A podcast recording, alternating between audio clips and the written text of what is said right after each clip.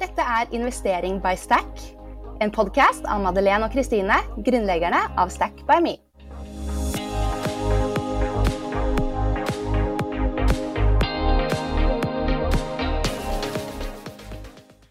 Podkasten er sponset av 247 Office, som er favorittregnskapssystemet vårt. Hallo, velkommen til Investering by Stack. Hallo! Hallo! I denne podkasten snakker vi om penger og investering. Og i dag så har vi en markedsoppdatering til dere. Og med meg her i studio så har jeg Anita, som er COO i Stack som har vært med på noen episoder her tidligere også.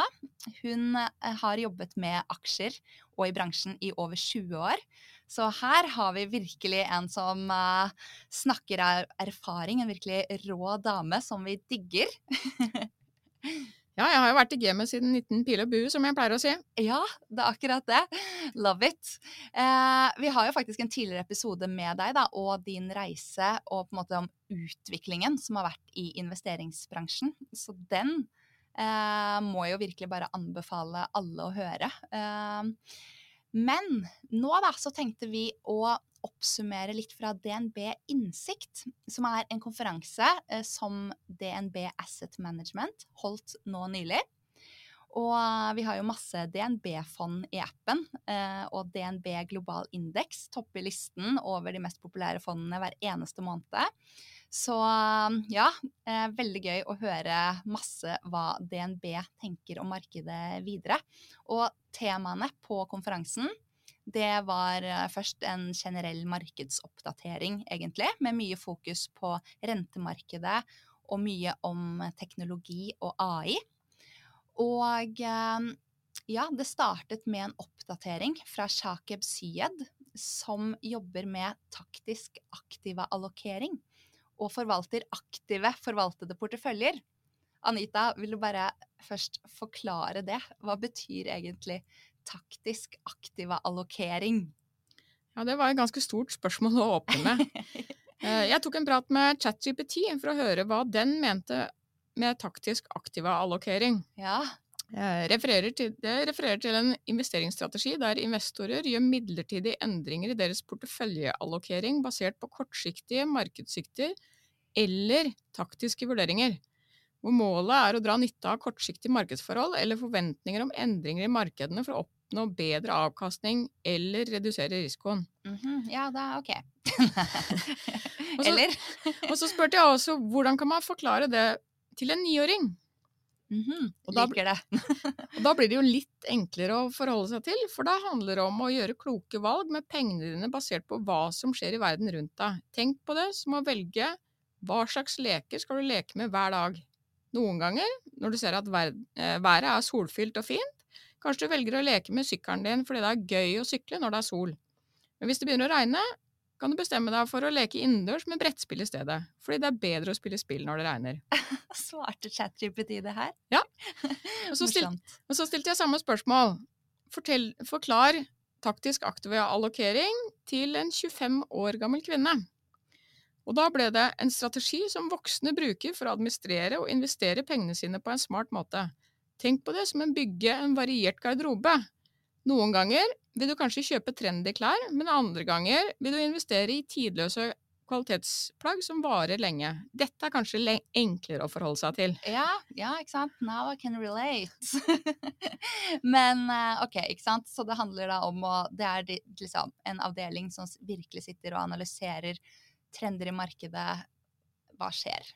Eh, så han var jo perfekt eh, person til å gi oss en liten sånn oppdatering på dette her, da. Men eh, det han sa, var at statistikken viser at på kort sikt så har timing veldig mye å si. At det kan ha opptil 20% å si på avkastningen på porteføljen din. Men hvis man har et lengre tidsperspektiv, da, så er ikke timing så viktig lenger. Da bør man tenke mer på sammensetning av porteføljen med tanke på, på måte, splitten mellom aksjer og fond, passive og aktive fond osv. Er, du enig, er du enig i det utsagnet? Det er lett å både være uenig og enig. Mm. Uh, vi kan være enige om at timing er vanskelig. Ja. Det, er det, det setter vi bare to streker under. Sammensetning av portefølje kan vi også snakke mye om. Og så er det jo spørsmål på hvilket nivå. Og så se på aggregert nivå på egen økonomi. Også hvis du tar med bolig, du tar med bil, båt, hytter, du tar med penger som du har på bankkonto, du tar, på, tar med aksjer som du har, eller rentefond. Um, så blir det også en sånn taktisk aktiva allokering på egen økonomi. Så er spørsmålet hvor langt du skal strekke den strikken. Mm. Vi hentet 10 millioner til Stack før jul i fjor, og vi ble fulltegnet før tiden og fikk masse etterspørsel i ettertid. Så vi har bestemt oss for at vi skal gjøre en liten top-up-emisjon. Så hvis du vil være med på eiersiden i Stack sammen med oss, så får du nå mulighet til det. Så vi gjør denne emisjonskampanjen sammen med Folkeinvest. Så følg veldig gjerne kampanjen vår der. Link det finner du her i episodebeskrivelsen. eh, ja, virkelig. Fordi eh, det han også sa, da, var at privatpersoner ofte får lavere avkastning fordi man oftere tar tap. Altså at man ikke måtte klare å sitte stille i båten og vente til markedet går opp igjen. Og det er litt sånn det samme om igjen. Timing er vanskelig. Det er vanskelig å være rasjonell når de fete typene dukker opp i avisoverskriften på den ene eller andre måten. Mm. Og av og til så kan det lønne seg å gjøre som strutsen og bare la spareavtalen gjøre jobben. Mm. Sant. Han nevnte jo også på at de siste 15 år så er det 10,7% avkastning på teknisk allokering, mens gjennomsnittet for en privat investor har vært 7,1. Mm. Det kan jo også vise til, hvis det er timing, og at privatpersoner kanskje er dårlige på det. Det er alltid noen som er unntaket, men, men i snitt så viser jo tallene her at man kanskje har vært litt, litt for dårlig som privat investor. Ja, det er jo også noe som vi eh, alltid prøver å preache, da, dette å ha liksom faste spareavtaler for akkurat det. Og eh, sikre seg mot denne timing-risikoen. Fordi selv, ikke sant, det hører vi her, proffene sliter jo masse med det, selv om de er flinkere enn privatpersoner. Men det er jo fordi de også har så innmari klare strategier ikke sant, når de går inn i ting. Ser på ting på en helt annen måte og da kanskje klarer å ha mer is i magen, da, når, for det er forventet. De har jo ja, eh, analysert alt dette her og vet at det kommer til å svinge, mens når man gjør det privat, så føler man mer at bare sånn Oi, nei, jeg tar det tapet, og så, så blir det i hvert fall ikke mer, mer tap, på en måte.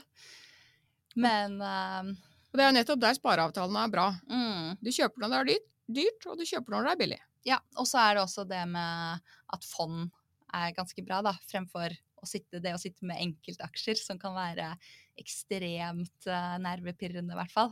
Da skal man også gjerne eie litt flere aksjer, da, sånn at man får på en måte diversifisert ja, risikoen. Uh, men uh, ja, de gikk jo faktisk da inn på hva de har troen på fremover. Og det er noe av det jeg alltid syns er veldig, veldig gøy, da. Så hva er det DNB-analytikerne satser på nå? De snakker jo om en profil i forhold til om de har nøytral vekt, overvekt eller undervekt. Så har de jo satt opp en prosentvis fordeling på hva man skal ha i de ulike aktiva-klassene. Og så kan man jo Hva er en aktiva-klasse? Eh, med det mener jeg hvor mye du har i aksjer, hvor mye du har i kreditt, hvor mye du har i rente og pengemarked. Det er jo det som man ser på som aktiva-klasser i denne sammenheng. Mm. Og så ser man også på de ulike sektorene eh, i de forskjellige eh, aktiva-klassene. Mm. Det de snakker om nå, er at de har en eh, svak overvekt på kreditt og renter i Europa. Um, energi, teknologi og helse. I forhold til undervekt så har de undervekt på USA, pengemarked, eiendom, uh, kraft, kommunikasjon og konsum. Mm. Det er jo dette de eh, viste på, på sine, sitt markedssyn for september 2023. Jeg var nettopp i, i formiddag på en uh, prat med et annet forvaltningsselskap. De hadde jo undervekt på helsesektoren. Ja, ikke sant. Så her er det jo litt forskjellig hva man har tro på.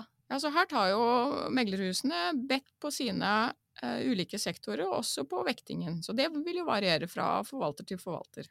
Men da betyr det liksom når det er overvekt, da kjøper de seg opp i dette her, ikke sant, for å få bli mer eksponert mot disse tingene som du sa, Europa, energi, teknologi, helse? Ja, da justerer de vektingen som de har mot de ulike aktiva-klassene, sånn at aksjer så har man undervekt, spesielt da i, uh, i USA, Mm. mens man da kjøper litt mer i uh, Europa. Ja. Og så uh, Nøytralvekten er jo den prosentsatsen som de i utgangspunktet har sagt at de skal ha av aksjer i USA, henholdsvis USA og Europa.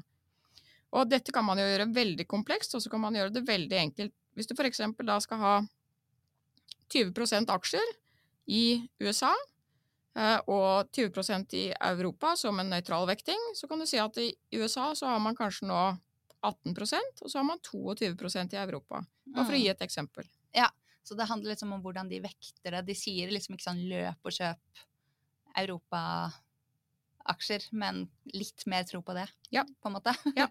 eh, fordi ja, og det er jo DNB har jo da på en måte vekter seg opp på helse, mens Storebrand eh, var det, som du snakket med i dag, som, som heller vektet det ned. Ja, det var Delphi-fondene som, Delphi som, som jeg hørte på i dag. Ja. Og de har jo en litt annen filosofi. De ser jo ofte på trender. Når det gjelder helsesektoren, det de nevnte på der, er jo at i utgangspunktet så burde jo helse gjøre det bra, Mm. men det har ikke gjort det. mm. Uh, og så er det jo noen kategorier innenfor helse som faktisk har gjort det ganske bra. Det som har vært eh, bra nå den siste tiden, er jo selskaper som har drevet bl.a. med denne slankemedisinen. eh, Mhm. Hvor det er to aktører som har gjort det eh, bedre i markedet. Hva da- heter de aktørene? Eh, Novo Nordisk er jo den ene, og så er det et amerikansk selskap. eh, Eli Lilly, tror jeg kanskje det heter. Ja. Ja, ikke sant? De er veldig hot akkurat nå. Slankemedisin, ja. Det er jo et spennende Jeg ble sånn, Er det den der Kim Kardashian-slankemedisinen, eller eh, eh, Ja. Det, det skal ikke jeg gi meg ut på å si hvem av, eh, hvem av dem som, eh, som bruker den. Men det har vært veldig mye i vinden, og så er det jo det er både litt skummelt og litt bra. Ja. Og det er sikkert ikke skapt for uh, folk som eh, vil gå ned bitte litt. Det er nok Som regel så er jo dette uh, veldig mye forskning bak og for Og det er jo et reelt helseproblem for uh, en del. eh, både verdensceller og enkeltindivider. Mm, absolutt. Men uh, okay. Men når de liksom snakker om undervekt og overvekt og hva de er bull på, da tenker jo jeg veldig sånn OK, nå skal jeg, nå skal jeg kjøpe teknologi, nå skal jeg kjøpe europaaksjer, eh, la, la, la. Men hva er tidsperspektivet eh, som de ser for seg? Når de, eh, fordi det er jo sånn som i avisene også, ikke sant. Så kan man jo Det er masse trender, og så, men så vet man ikke helt liksom, Er det lang sikt eller er det kort sikt? Hvor lenge skal disse uh, ja, analysene vare? Vanligvis er jo taktisk eh, aktiv allokering går jo på litt kortere sikt enn eh, det vanlige folk uh, som har en spareavtale, de må ha alltid lange briller på. De skal bare være investert i aksjemarkedet. Taktisk aktiv allokering går jo på litt mer kortere sikt, hvor man ser at nå er det et skifte, f.eks. fra teknologi til energi, eller vice versa. Mm. Så da tar man litt kortere bet for å skape meravkastning for investor. Og det er jo det man betaler en forvalter for, for å drive med f.eks. taktisk aktiv allokering på, på sin egen portefølje. Mm. Denne podcasten er sponset av 247 Office, som er det regnskapssystemet vi bruker, og som har blitt en viktig samarbeidspartner for oss. Og når vi snakker med gjester her i podden som driver eget selskap, så er det veldig mange som nevner at de er glade for at de har investert i gode systemer, og mange trekker frem spesielt en god regnskapsfører og et godt regnskapssystem. Ja, det er jo så mange som tenker at det er lett å spare penger på å gjøre mye av regnskapet selv. Og det er jo sant. eh, Vi har jo også prøvd å gjøre mye særlig i starten, men så innser man at det er en stor jobb, og veldig viktig at det blir riktig.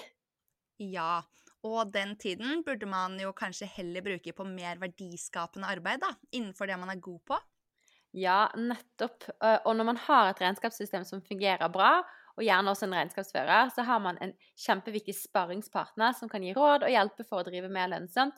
Og det er jo spesielt viktig nå i usikre tider. Ja, og klarer man å drive mer lønnsomt, få flere fradrag og bra råd, så sparer man vel fort inn mye av pengene også. Pluss at kanskje man når vekstmålene sine raskere, til og med. Ja, akkurat det. Så anbefaler alle som driver selskap, små eller store, å sjekke ut 24-7 Office for å ha riktig regnskapssystem. Det er en god investering. Uh, ja, men vi også er jo blitt litt sånn aktive nå, da, så jeg føler jo at uh, Eller jeg satt jo der og bare OK, jeg må kjøpe mer, uh, kjøpe mer av det her, kjøpe mer av det her. Men kanskje jeg skal begynne med sånn vekting, jeg òg. Jeg vet ikke. Men, men, OK, men de sa undervekt på pengemarked. Og det har jo vi også snakket litt om i det siste. både her i podkasten og mye på sosiale medier og sånn, for det har vært så veldig i vinden. Ja. Og, men nå er det ikke det lenger. Eller? Det som uh, Om jeg skjønte de rett, så sier de at eh, pengemarked er uh, De ønsker å ha mindre posisjon mot pengemarked og heller vekte seg opp på litt høyere risikoklasser. Mm. F.eks. investment grade. Ja, Så vi snakker fremdeles liksom rentefond er bra. Ja. ja. Dette er lån for selskaper, men man beveger seg litt lenger ut på risikoskalaen i forhold til hvem som har utstedt det. Pengemarkedet er jo korte, eh, korte eh, kortere papirer, mens investment grade er litt eh, lengre papirer, og man påtar seg en litt høyere risiko. Og så har du high yield, som er enda lenger ut på, på risikoskalaen. Mm. Ikke sant. Og i Stackhappen så har vi jo fond på alle disse eh, Både pengemarked. Kan, under kategorien eh, rentefond så mm. finner du både eh, rene pengemarkedsfond, eh, også investment grade-fond og fond som har high yield. Ja. Og det som er viktig å se på, er jo selvfølgelig hva er risikoen eh, i de fondene i forhold til det som man kan forvente av avkastning. Mm. Og eh, når man da snakker om rentefond, så snakker vi jo uansett mye lavere risiko enn aksjefond. Så, så alt er jo noe som man egentlig kan investere i på kortere sikt, da. Eh, enn som er anbefalt med aksjefond, som er vel ja, eh, minimum seks år. Ja. Mm. Og det man også har sett på nå i det siste, er jo avkastningen i de ulike aktiva-klassene. Og når man snakker om det, så det man gjør for å beregne forventa avkastning, er at man snur forholdet mellom Eh, price earnings, det har vi kanskje vært litt innom tidligere i forhold til prisen på en aksje kontra inntjeningen i selskapet. Mm. Hvis man snur den ratioen, så får du jo uh, forventet uh, inntjening delt på prisen, og da får du en effektiv rente, en, en avkastningsrente. Og hvis man ser på de tallene som DNB presenterte, så viser jo nå at kreditt på high yield har jo en høyere forventning enn det som er til aksjemarkedet. Og Det betyr jo også at man er mer in favor of, eller eh, man kan få en eh, lavere risiko på porteføljen sin, men med tilsvarende avkastning. Og det, Dette høres jo veldig komplekst ut, og det, ja. det, kan være komplekst, men det kan også være enklere. Og det er jo hvor er det jeg kan få avkastning i markedet i dag. High yield er jo det som har vist seg den, i hvert fall den senere tiden, som med ganske bra bet for en del investorer. Mm. Og, mm. og, det er jo også hvordan man kan se på sin egen portefølje med å kombinere disse asset-classene, altså kombinere aksjer med kreditt på high yield, eller renter i investment grade, eller også pengemarkedsfond. Sånn at man får en god, balansert portefølje, og ikke har alt i enten aksjer eller i pengemarkedsfond. Og så er det jo litt det som jeg toucha innpå i stad, i forhold til hvordan ser din privatøkonomi. Hvis du ser totalen, så har du jo både Vanligvis så har man jo et uh, huslån, og så har man et hus, og så har man en bil. Uh, og så har man jo penger i banken, og så har man kanskje noen investeringer i aksjer eller kombinasjon, kombinasjonsfond eller rentefond. Så hvis du ser over hele økonomien din, så, så vil jo også det være en sånn kan være en sånn taktisk og også en strategisk aktiv allokering på hvordan ser totaløkonomien din ut? Mm. Jeg har 100 eh, eh, aksjer, eh, eller aksjefond. Så tenker jeg at jeg har langt tidsperspektiv også, da. Ja. Så, og da er det jo på en måte forventet høyere avkastning hvis jeg holder meg til aksjefond. Men ja, kanskje man liksom skal ha litt rentefond også. Ja. De tallene man ser på nå på, på, kort sikt, og som jeg refererer til her i forhold til kreditt, eh, altså high yield-kreditt, eh, så viser jo den at eh, forventningene der i det litt kortere bildet er høyere enn for aksjer. Mm. Men det er klart, det gjenstår å se. Ja. Ja, det er det jo ingen som vet. Det de sa, var at de tror i hvert fall eh, nå at rentetoppen er nådd. De var også ganske sikre på den eh, renteøkningen som akkurat uh, har kommet nå, uh, men mente at det skulle bli den siste. Men de tenker, eller ser for seg at rentene skal holdes høye en god stund fremover, egentlig.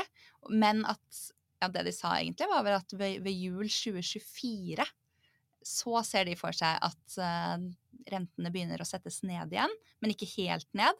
Ehm, så ja. Så de kommer til å være høyere fremover enn vi har sett de siste tiårene, da. Så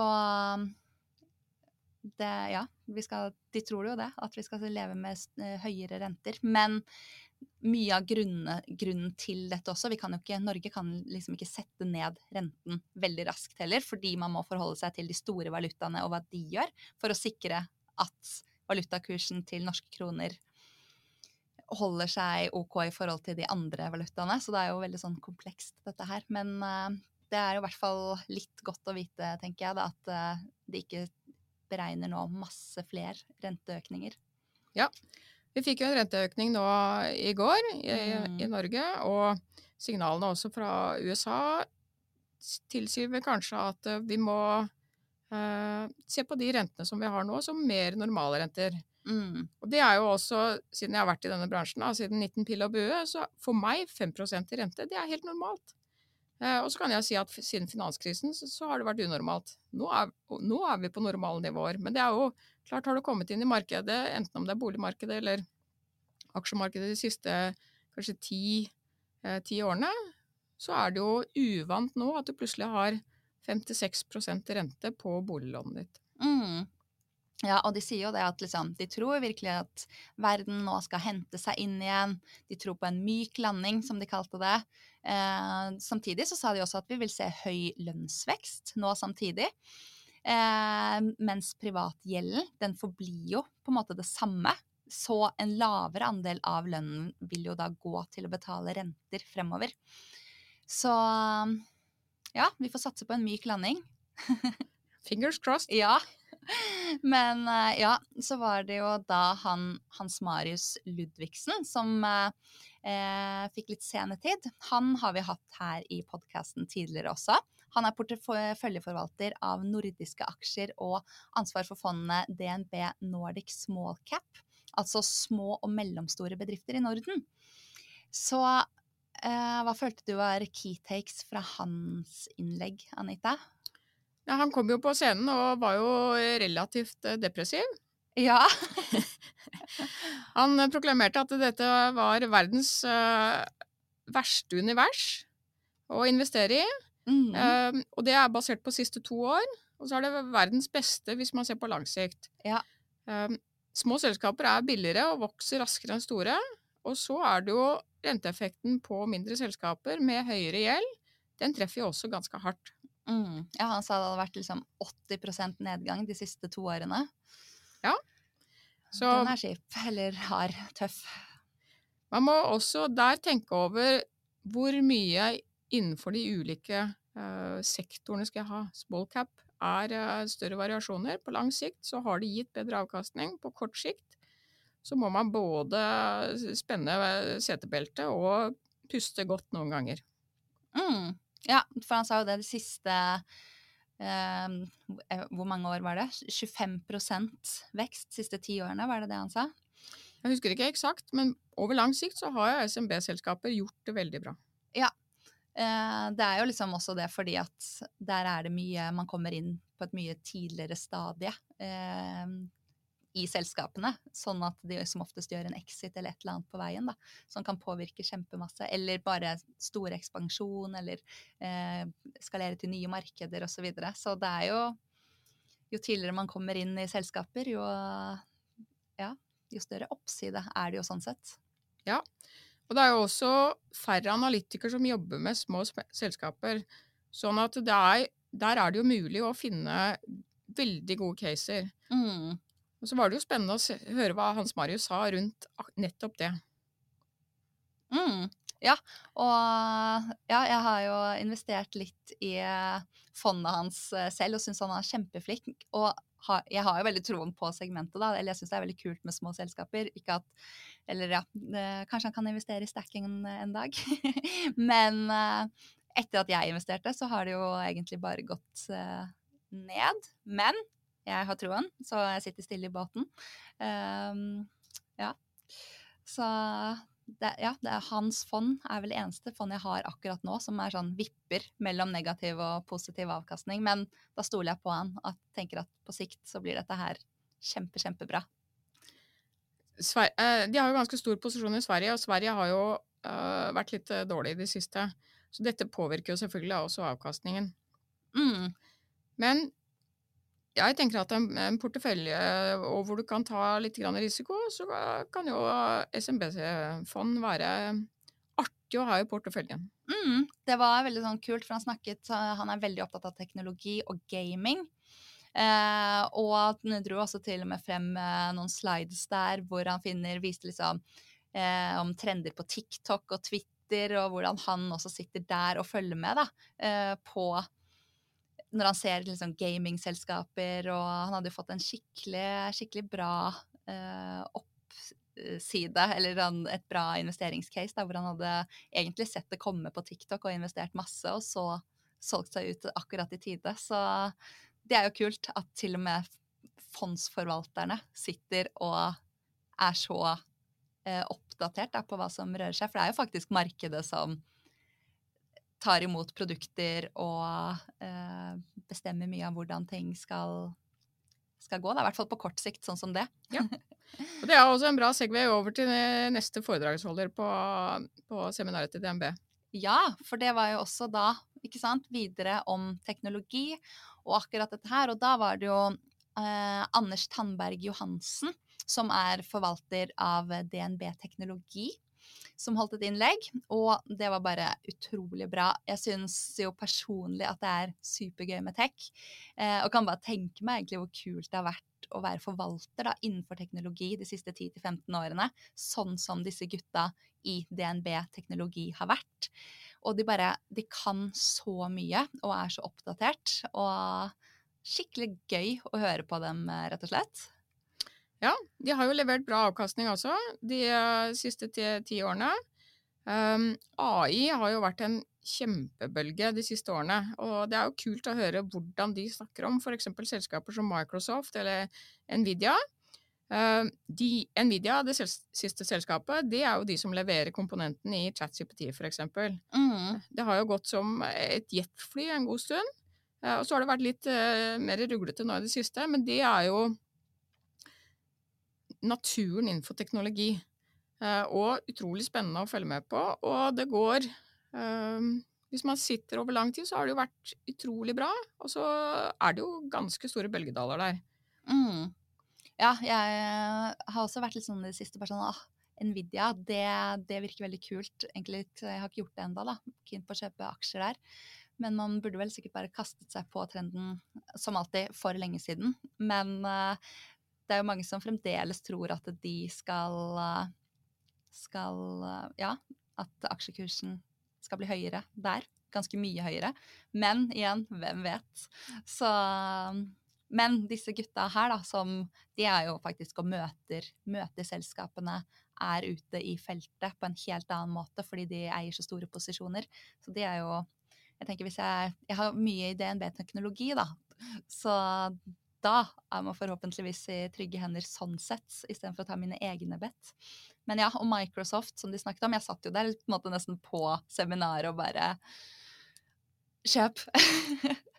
For man blir litt sånn gira av disse uh, enkeltaksjene også. Men uh, ja, jeg kanskje bare holde meg til Hva tror du, Anita? Skal jeg holde meg til DNB-teknologi, eller Nå har ikke du lov kanskje til å gi meg direkte råd, eller noen som hører på her, men uh, jeg tenker litt sånn som vi starta ut med, taktisk aktiv allokering. Hvis du prøver å bli litt sånn kjent med det, det begrepet, og så kan du tenke på det som når du kjøper klær. At du skal ha noe som er litt sånn trendy, og så skal du ha noe som går i de samme fargene, og så kan du bruke 20 år på rad. Ja. Sånn at det har Bruk samme perspektivet som når du åpner klesskapet ditt på å se på aksjeporteføljen din eller porteføljen din. Ja. Da, du, da kan du forholde deg til eh, aksjer på en, en, måte som du allerede kjenner godt til. Eh, og bruk samme tankesett, så du, da får du litt av hvert. Da får du litt teknologi, du får litt SMB. Eh, du har kanskje hovedtyngden din i, i, i aksjefond, som er kanskje indeksfond. Eh, hva vet jeg. Men at du får en balansert portefølje. Og ta også hensyn til andre investeringer som du har, om det er huset ditt, eller om det er bilen din, eller om det er penger som du har på bankkonto. Sånn at du ser litt sånn totalt sett på hvordan ser min egen økonomi ut. Mm, ja, jeg liker det. Og det var jo som Hans Marius også var inne på, markedet eh, bestemmer jo trender. Det er jo du og jeg, eh, vanlige folk, som kjøper produkter Eh, og det er jo disse trendtingene som kommer. Eh, ChatGPT, eh, supertrend. Eh, men også, du, hvis man skal tenke på det som eh, klesskapet sitt, eller liksom de produktene man selv bruker. Eh, bilmerkene man digger, eller alle nye innovasjoner, da. at man faktisk kan investere i disse tingene. Det er jo Det er gøy. Ja. Og kjøper du et fond, så får du det som forvalteren plukker ut. Mm. Og de sitter jo ganske tett på. Ja. Man kan virkelig alltid når vi er på sånne her seminarer og lunsjer og diverse sånne markedsoppdateringer som vi får, da, så blir man jo sånn wow. Uh, det er ikke liksom tilfeldig uh, hvem som sitter og forvalter alle disse pengene. Det er så flinke folk. Så ja, det er bare å rett og slett velge seg Velge hvilket fond. Det viktigste er jo egentlig bare å velge et fond. Eh, fordi da er man jo med på markedsvekst, markedsveksten. Så ja. Men eh, ja. Jeg tror vi liksom virkelig har vært gjennom eh, mange av hovedoppdateringene som DNB kom med på dette seminaret. Så da kan man jo tenke da, om man vil bruke noe av dette inn i sin egen investeringsstrategi fremover. Vi syns jo, ja, som sagt, at vi får veldig mye ut av disse arrangementene, og har derfor alltid lyst til å prøve å dele med dere så mye vi kan, da. Så neste gang også, når det er noe, så gir vi dere en ny markedsoppdatering, vi, vet du, så stay tuned. Eller hva? Takk, Anita, for bra, bra oppdatering her. Ja, selv takk. Ja. Ha det. Ha. Det